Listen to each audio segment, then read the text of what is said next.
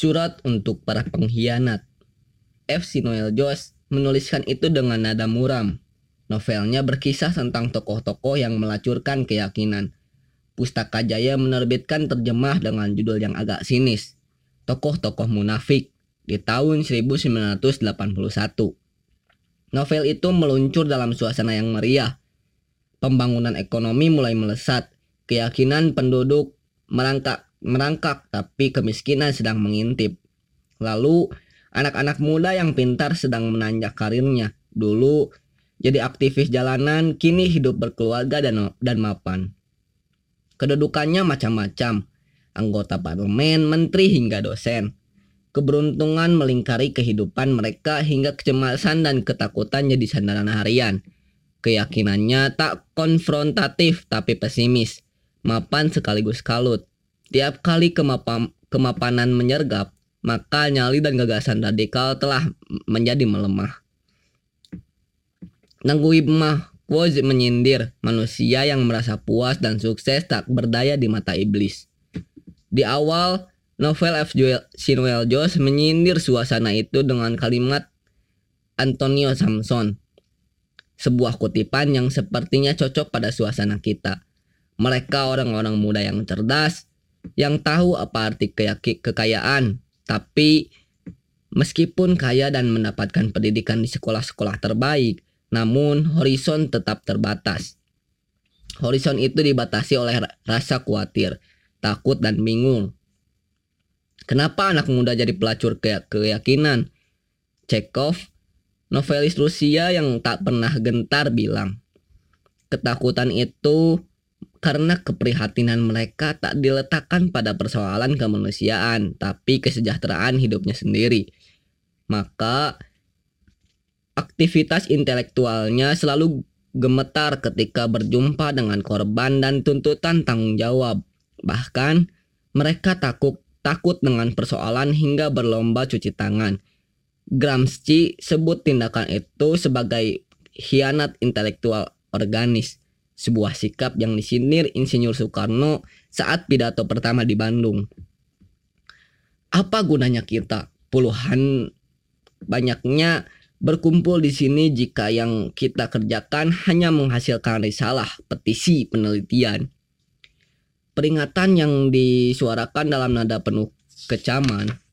Soekarno menyindir kaum terpelajar yang diam. Mereka yang sibuk memat mematut diri dan hanya bisa berteori. Omongannya muluk tapi tindakannya penuh batas. Konghucu bilang, mengetahui apa yang baik tapi tidak melakukannya adalah sikap pengecut yang paling buruk. Kami merasa suasana seperti itu yang buat sumpek.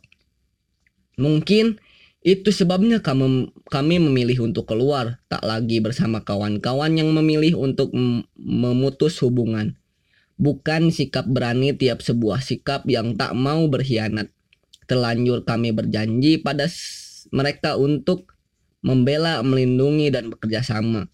Sebuah kerja yang bermula dari kepercayaan, kebersamaan, dan berpuncak pada penciptaan.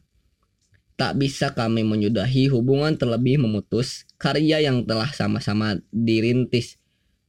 Tolstoy pernah berkata, cendekiawan yang berpikir itu tidak mencipta seperti awan yang tak menurunkan hujan. Kam kami punya beberapa jejak kecil di kelompok basis sekolah, taman kanak-kanak, SMP, pusat kegiatan agama, mengunjungi aktivis yang ada dalam penjara hingga rencana merintis rumah sakit untuk mereka yang kafir, yang fakir.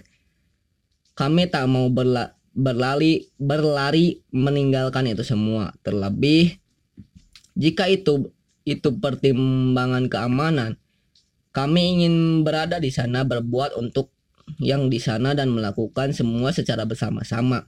Sebuah kerja tak masuk akal tapi tetap terasa unik dan menantang. Persis seperti pernyataan tokoh HAM Abraham Lincoln Aku ingin sebut disebut-sebut orang yang paling mengenalku dengan baik. Bahkan aku selalu mencabuti duri dan dan menanam bunga di tempat yang menurutku dapat ditumbuhi bunga. Tapi kami tahu tak semua bisa berpikir sama. Terlebih Mereka yang memendam ketakutan dan rasa ngeri hanya menyebutkan kata polisi, Densus, dan Inte rasa takut mereka bangkit. Rasa takut itu merayap hingga seorang kawan yang kini jadi bapak memberi SMS pada saya. Maaf mas, demi keluarga dan anak saya, tak ingin lagi terlibat dalam program ini. Pria yang dulu memakan uang program dengan hati nyaman kini seperti seekor ulat yang diinjak. Bergeliat dan lari tunggang langgang Sikap anak muda ini seperti judul buku tahun 1922. Mereka itu tunduk kepada kekuasaan tetapi tidak tunduk kepada keberanian. Apalagi seorang penjab, pejabat ikut menakut-nakutinya. Tak hanya menakut nak, tak hanya menakuti tapi mengingin mengiming-imingi jabatan. Ia menyerah dan mengikuti apa mau atasan. Ia persis seperti sosok yang dibilang Ben Anderson. Ber, berhadapan dengan kekuasaan, penilaian moral halus diam. Ia tak sendirian, seorang kawan malah lebih dulu takut duluan. Ia mengumbar ketakutannya ke mana-mana. Meres, menelpon siapa pun yang saya ajak agak hati-hati karena Densus mengawasi. Ia mencekik banyak bayangan kebebasannya sendiri.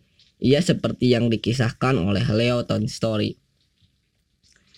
Semenjak malam yang dahsyat itu, ia tak lagi percaya dengan kebaikan. Dahulu, ia percaya pada kebajikan dan percaya bahwa orang lain pun percaya kepadanya. Semenjak malam, tetapi semenjak malam itu, ia yakin bahwa tak seorang pun percaya kepadanya dan bahwa segala yang dikatakan orang tentang Tuhan dan kebijakan itu semua itu dilakukan orang hanya untuk menipu orang banyak.